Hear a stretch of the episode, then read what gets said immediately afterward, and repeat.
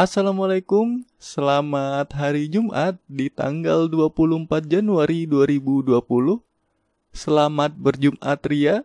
Gimana kapsnya nih teman-teman? Semoga selalu diberi kemudahan dalam menjalani segala aktivitas. Amin, terutama di hari Jumat berkah ini.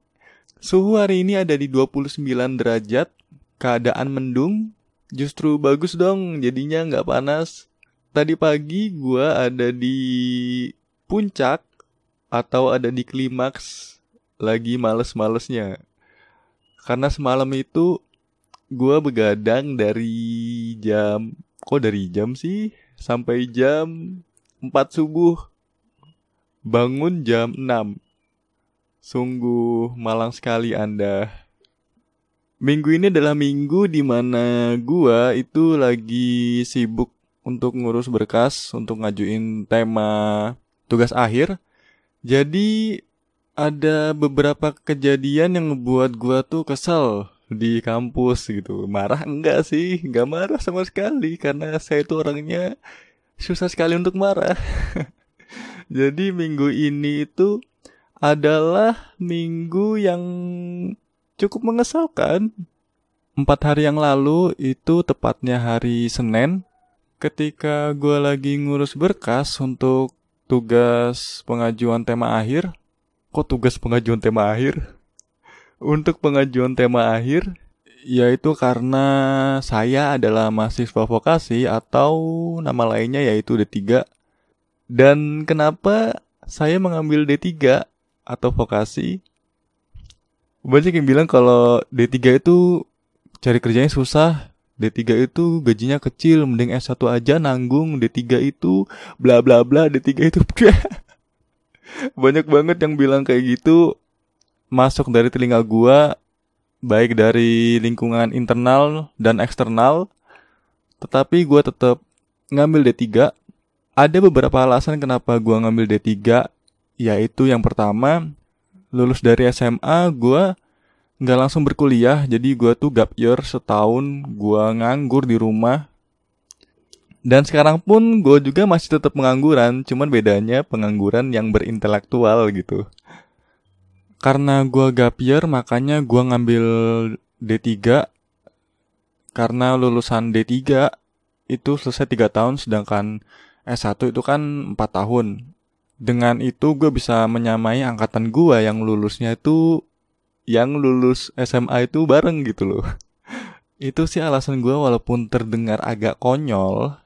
Dan yang kedua, gue milih vokasi karena gue nih tipikal orang yang yang sudah tidak ingin lagi berpikir serius gitu loh. Maksudnya dalam arti di bidang pendidikan, gue sudah agak lelah dengan dunia perkuliahan. Kalau gue ngambil S1, gue ketemu dengan skripsi. Dan gue bisa seminar sebanyak tiga kali. Belum lagi sidang kompre. Empat kali dong. Nah itu dia. Kalau gue ngambil D3 gue hanya seminar sebanyak dua kali. Intinya kan kuliah itu hanya untuk jenjang pendidikan hanya untuk mendapat pekerjaan yang lebih baik. Orang eh, anak SMA SMK lulus pun bisa kerja gitu loh. Jadi gue ngambil D3 ini seenggaknya satu tingkat di atas mereka lah. Seperti itu. Oke, sampai mana tadi omongannya? Kok malah ngobrolin alasan saya masuk vokasi? Tadi sampai mana ya? Hmm, iya, oh. Kemarin Senin gua itu lagi ngurus berkas buat ngajuin tema tugas akhir dan gua bolak-balik dong, positif, bolak-balik dekanat, jurusan, dekanat, jurusan, nungguin dosen, ketemu dosen, hanya untuk minta sebuah tanda tangan yang sangat berarti nilainya bagi gua untuk persyaratan pengajuan tema tugas akhir. Jadi kemarin Senin itu gua nungguin di dosen bersama kawan-kawan gua yang lainnya, cuman mereka lebih beruntung gitu kan dibanding gua. Jadi gua nungguin dia dari jam 9 pagi dan gue nunggunya sampai duhur. Begitu zuhur gue sholat dong. Habis sholat balik lagi. Eh begitu balik ternyata jam 1 dia ada seminar hasil. Terpaksa gue nunggu lagi sampai dia selesai. sampai asar. Iya udahlah, sholat dulu lah kan. Gue sholat, begitu gue balik, eh, bentar dulu. Gue sholat asar sama kawan gue kan yang nunggu juga. Dan kejadian konyolnya tuh di sini. Gue sholat, kawan gue tasnya ditinggal, dititipin sama anak cewek. Di situ cuman gue yang bawa tas sambil sholat gitu loh. Jadi begitu gue balik selesai sholat, tuh dosen juga balik. Jadi penantian saya dari jam 9 sampai jam 4 sore berbuah tidak ada buahnya. gue gue ya gimana ya kesel nungguin dari pagi seharian tidak ada hasil apa-apa. Dan kawan gue yang tasnya dititipin sama anak cewek itu sudah dimintain tanda tangan gitu. Alangkah hokinya mereka andaikan tas gue ditinggal mungkin gue penantian gue tidak sia-sia. Ya sudahlah mungkin ini takdir dari Allah untuk mengetes kesabaran gue dan gue mencoba untuk kembali lagi esoknya membuat minta tanda tangan di jam yang sama jam 9 setelah gue sampai sana besoknya jam 9 itu ternyata dia ada sidang kompre. Gua gua gua sedih denger kata-kata itu gitu kan. Secara gua baru nyampe kok gini? Gue mencium aroma-aroma gak enak. Loh masih pagi-pagi baru nyampe gitu kan. Gue tungguin lah bodo amat. Gue tungguin sampai siang sampai sore lah kalau perlu. Gue tungguin sampai duhur seharusnya nih dosen udah keluar nih jam 12 udah duhur masa nggak keluar keluar sidangnya? Masa sidangnya nggak selesai-selesai? Sudah duhur. Setelah gue selesai sholat duhur itu ada mahasiswa lain yang lagi nungguin dia kebetulan. Dan ketika dia ngadep pas di depan mata gue tuh dia bilang kalau saya sedang tidak bisa diganggu nanti saja ya kata dia. Itu jadi dosen gue bilang gitu tapi gue masih agak bersyukur sih. Kelihatan dosennya ada gue liat dosennya. Kalau kemarin kan gue nggak lihat sama sekali. Akhirnya gue memutuskan untuk menunggu ini dosen selama 30 menit. Setelah itu gue coba masuk. Setelah gue nungguin 30 menit ternyata saat gue kembali lagi itu ini dosen mobilnya sudah nggak ada. Gue gue panik dong gue jalan pelan-pelan ke arah ruangannya. Eh, lampunya mati. No hope. Ya sudahlah, gue kesel. Jam 2 siang itu, jam 2 setengah 3 siang. Udahlah, gue balik lah. Gue kesel. Dua hari berturut-turut saya nunggu tidak dapat apa-apa gitu loh. Padahal hanya minta tanda tangan saja. Ya inilah derita mahasiswa semester akhir. Itu seperti ini. Cuman mau minta tanda tangan aja dua hari harus nunggu. Itu pun gak dapet.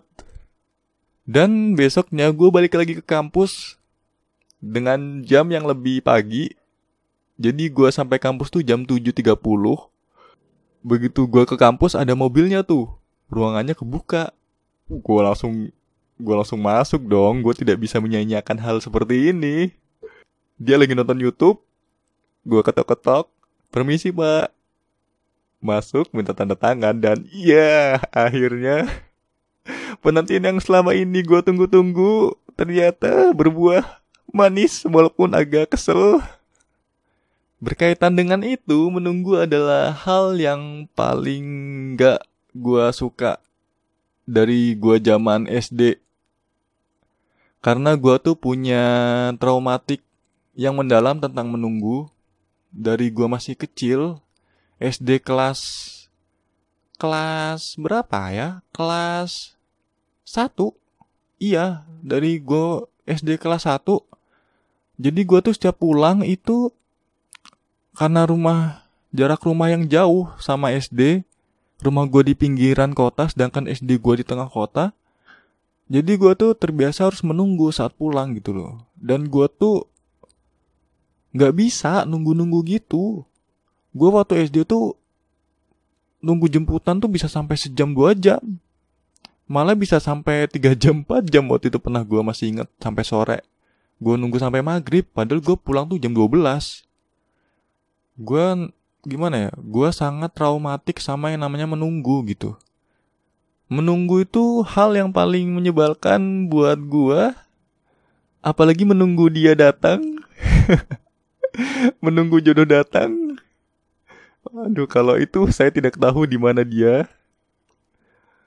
Menunggu itu adalah hal yang ngebuat gua jadi manusia purbakala, apalagi ketika gadget itu habis baterainya. Saya tidak bisa apa-apa saat menunggu. Karena zaman sekarang tuh kan nunggu itu jadi cepet. Kalau nggak karena ngobrol dengan orang lain, ya karena kita lagi main sesuatu. Jadi nunggu itu berasa cepet. Coba zaman gue SD nunggu tuh berasa lama karena ya gue sendirian, tidak ada yang bisa dimainkan dan tidak ada orang lain yang menemani. Tapi namanya juga nunggu kita harus sabar dong. Sesabar menunggu dia. Waduh baper lagi. Tapi walaupun begitu, selama gue menunggu, gue mempelajari suatu hal bahwa menunggu itu ada sisi positif dan negatif. Menunggu punya sisi positif. Yang pertama yaitu dengan menunggu lo bisa menghargai apa itu yang namanya waktu. Kenapa gue ngomong gitu? Karena nunggu itu bener-bener ngebuang waktu. Lo yang gak suka ngebuang-buang waktu, begitu lo nunggu, itu pasti ada rasa penyesalan gitu waktu nunggu. Iya kan? Pasti waktu kita nunggu seseorang itu dalam pikiran kita seharusnya nih gue jam segini udah bisa gini harusnya nih gue di menit ini detik ini sudah begini-begini nggak di sini nungguin ini yang nggak pasti gitu loh karena waktu itu adalah uang dan waktu itu nggak bisa diputar kembali makanya sangat penting buat lo menghargai apa itu yang namanya waktu kalau lo kebiasaan instan nggak pakai nunggu ya mungkin lo nggak nggak berasa nggak berasa efeknya. Tapi kalau lo itu orang yang suka menunggu, lo pasti lama-lama mikir deh. Ternyata menunggu itu ngebuang waktu gua ya, gitu. Apalagi kalau yang tungguin tuh nggak pasti, kayak jodoh. kalau jodoh itu pasti sudah ditentukan oleh yang di atas, tergantung kita mencarinya yang seperti apa dan harus dicari. Kalau nggak dicari ya hilang dong. Dan setelah itu Menunggu itu ngebuat kita menghargai apa yang namanya pertemuan. Kenapa? Karena semakin lama lo menunggu seseorang atau menunggu sesuatu lo pasti akan timbul benih-benih yang ada di hati lo benih-benih kerinduan. Itu udah pasti. Kayak misalnya nih, lo nunggu paket. Paketannya datangnya tiga hari, tapi kok sudah tiga hari tidak tidak datang-datang itu pasti kan lo curiga tuh. Waduh, ke mana paket gua? Gua harus nunggu lagi seminggu pas paketnya datang. Kan lo seneng gitu loh. Kesenangan lo bertambah daripada lo nunggu cuma tiga hari. Begitu lo ketemu abang paketnya datang, paket tok tok tok tok. Eh, abang paket yang dipeluk, yang diambil malah abangnya bukan paketnya. Jadi Reinhard Sinaga. Aduh, enggak enggak enggak bercanda semakin lama lo menunggu, maka semakin senang ketika lo ketemu dengan sesuatu atau orang yang lo tunggu. Kayak misalnya nih lo nunggu jemputan. Lo nunggu jemputan cuma 30 menit. Begitu ketemu ya biasa aja. Ketika lo nunggu jemputan sampai 30 jam, mati. Enak gua balik sendiri kok 30 jam. Begitu lo nunggu sampai 3 jam itu pasti kan beda rasanya sama nunggu yang cuma 30 menit. Setelah gue telaah lebih dalam tentang menunggu, jadi gue belajar kalau menunggu itu ngurangin egoisme diri kita sendiri. Dengan lo menunggu, lo harusnya lebih bisa menghargai perasaan orang lain secara tidak langsung. Lo bisa lebih mengerti kondisi orang lain ketika lo sedang menunggu dia. Misalnya nih dia lagi di jalan. Begitu di jalan, kena macet, atau ada kejadian yang tak terduga kan kita nggak tahu namanya jalanan. Jadi kita secara mau nggak mau itu harus bisa mengerti keadaan dia dong waktu di jalan. Dengan begitu hati lo akan terbiasa untuk berbaik sangka gitu dengan kata lain seperti itu. Jadi lo nggak kebanyakan suzon jadi lo kebanyakan kusnuzon Dan yang selanjutnya, menunggu itu ngebuat diri lo menjadi orang yang senantiasa selalu sabar. Di sini sabar dalam artian mendewasakan diri lo gitu, menguji kesabaran lo. Karena kesabaran tuh sesungguhnya, nih ya sesungguhnya kesabaran itu tidak ada batasnya. Jadi kalau ada orang yang bilang sabar itu ada batasnya, berarti mereka tuh bullshit. Mereka adalah manusia-manusia lemah. Tuh, ingat kata-kata gue. Sabar itu tidak bisa diukur. Sabar itu bukan hal yang ada bentuknya. Sabar itu tidak ada bentuknya, makanya tidak bisa diukur. Karena sabar itu dari hati, sedangkan hati itu tidak bisa diukur oleh sesuatu yang bersifat duniawi. Makanya tidak bisa kita semerta-merta mengukur kesabaran orang lain gitu loh. Katanya lo sabar, sabar tuh ada batasnya bla bla bla bullshit gitu makanya gue tuh agak riskan dengan orang yang bilang sabar tuh ada batasnya gue jujur gue jengkel gue jengkel dengar seperti itu oleh karena itu semakin lo menunggu semakin lo bersabar dan semakin lo dewasa Gua itu dari yang namanya SMA sering banget yang namanya itu COD atau cash on delivery. Delivery. Aduh bahasa Inggris saya kacau, kacang coklat. Gue tuh dari zamannya SMA itu sering banget yang namanya COD atau cash on delivery. COD apa gitu ya, COD barang-barang yang murah-murah.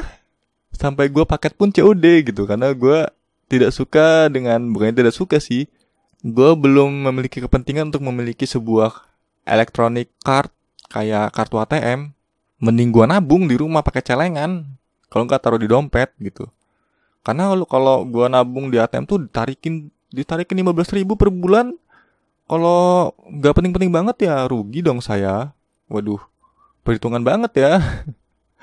Enggak lah. Kalau gue ada kepentingan gue pasti pakai ATM kok. Kalau cuma untuk order-order kayak gitu, lebih baik non ATM. Tapi kalau nggak ada ATM tuh susahnya kalau lagi ada flash sale itu barang keburu habis, apalagi tengah malam kan nggak ada Alfamart sama Indomart yang buka dong. Kok jadi malah ngomongin flash sale dan online shop begini jadinya? Dan yang terakhir sisi positif dari menunggu yaitu bagaimana cara untuk mengerti diri sendiri.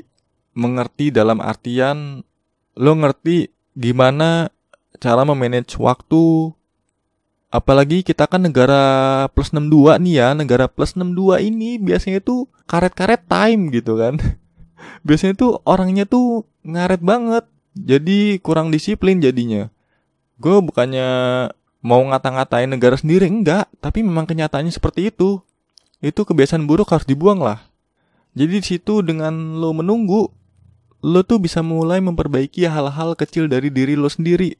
Makanya di sini gue bilang mengerti diri sendiri. Lo bisa tepat waktu, ngerasain gimana caranya menjadi orang yang menunggu gitu kan. Tidak enak. Karena semua itu diciptakan berpasang-pasangan. Contohnya kayak lubang hidung nih. Masa mau satu kan lucu. Dua dong di diciptainya. Kayak bola mata. Masa mau satu kan dua kanan kiri. Ada siang ada malam ada aku, ada kamu. baper time, baper terus bapak. Hal negatif yang pertama adalah menunggu itu hal yang gak pasti. Di sini ada sangkut pautnya tentang yang namanya menghargai pertemuan. Karena nunggu itu lu cuma bisa berekspektasi. Dan namanya ekspektasi itu beda dengan realita. Dan rata-rata ekspektasi itu pahit. Karena nggak sesuai dengan realita gitu. Kayak lu nunggu kawan lu. Oke deh bro, gue 30 menit lagi nyampe. 15 menit lagi nyampe. Nggak taunya 15 menitnya tuh 1 jam 50 menit bullshit. Aduh. Jadi kan hal yang gak pasti dong. Dan hal yang gak pasti itu haram. Waduh. Malah ngebahas agama. Jadi menunggu adalah hal yang gak pasti. Minum dulu, Bapak. Hmm. Jadi menunggu adalah hal yang gak pasti dan persentase untuk pastinya tuh 50-50. Tergantung dari orang yang kita tungguin. Dan yang kedua, yaitu nunggu itu ngebuang waktu. bener lah. Ini sama kayak sangkut pautnya yang pertama tadi tentang menghargai waktu. Menunggu itu malah sebaliknya membuang waktu. Gue punya pengalaman tentang ini. Jadi gue waktu itu nungguin paket nih. Di tulisan track JNT-nya, eh kok gue sebut merek? Ya udahlah, udah kadang kesebut. Di tracknya itu ada tulisannya paket akan dikirimkan ke lokasi Anda. Gue tungguin sampai jam 10. Eh, gue tungguin dari jam 10. Karena itu tulisan dari jam 10 dong gue tungguin. Gue tau dia pasti bakal telat sejam 2 jam. Jadi gue nungguin dia setelah 2 jam. Setelah 2 jam dari jam 10 berarti jam 12. Gue tungguin dia nyampe jam 3. Datangnya jam berapa coba? Ya jam 3 itu. Jadi 2 jam gue nunggu itu sia-sia dong. Ya namanya itu dia membuang waktu. Seharusnya 2 jam itu bisa buat gue main game, ngepush rank. Aduh. Yang terakhir, menunggu itu ngebuat pikiran kita menumpuk jadi kayak setak gitu pikirannya. Dengan lo menunggu pasti diri lo yang diam, tapi otak lo itu bakal berimajinasi. Setelah ini gue bakal ngakuin ini, ini, ini. Jadi kayak otak lo tuh otak lo itu ngebuat list sendiri gitu. Setelah dia datang, gue harus ini, ini, ini. Jadi gitu. Itulah kenapa rata-rata orang yang nunggu itu pasti banyak pikiran. Pikiran apa yang mau dikerjain gitu maksudnya. Jadi imajinasinya itu main dia.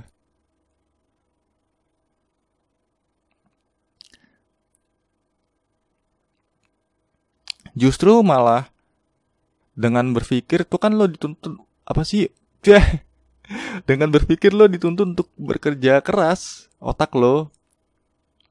Walaupun diri lo itu duduk manis. Jadi ketika kalian sedang menunggu, bersabar-sabarlah kalian. Jangan cepat bosen dengan yang namanya nunggu. Karena sesuatu tuh rata-rata, rata-rata nih ya, bukan semuanya. Hasil yang didapat dari ketika menunggu itu sangat memuaskan. Saya hanya bilang rata-rata ya, tidak semuanya. Ya tinggal, ya jalani saja. Jika kalian sedang menunggu, nikmatin aja. Nikmatin dengan cara kalian sendiri. Bagaimana cara kalian supaya nggak bosan waktu nunggu? Apa dengan main gaple, main bola pingpong di tempat nunggu gitu kan? Ya pokoknya seenak-enak kalian nunggu lah. Jangan dibawa pikiran gitu waktu nunggu karena bisa stres. Oke, sekian topik kita hari ini. Terima kasih telah mendengarkan sampai habis tentunya. Dan see you next time. Bye.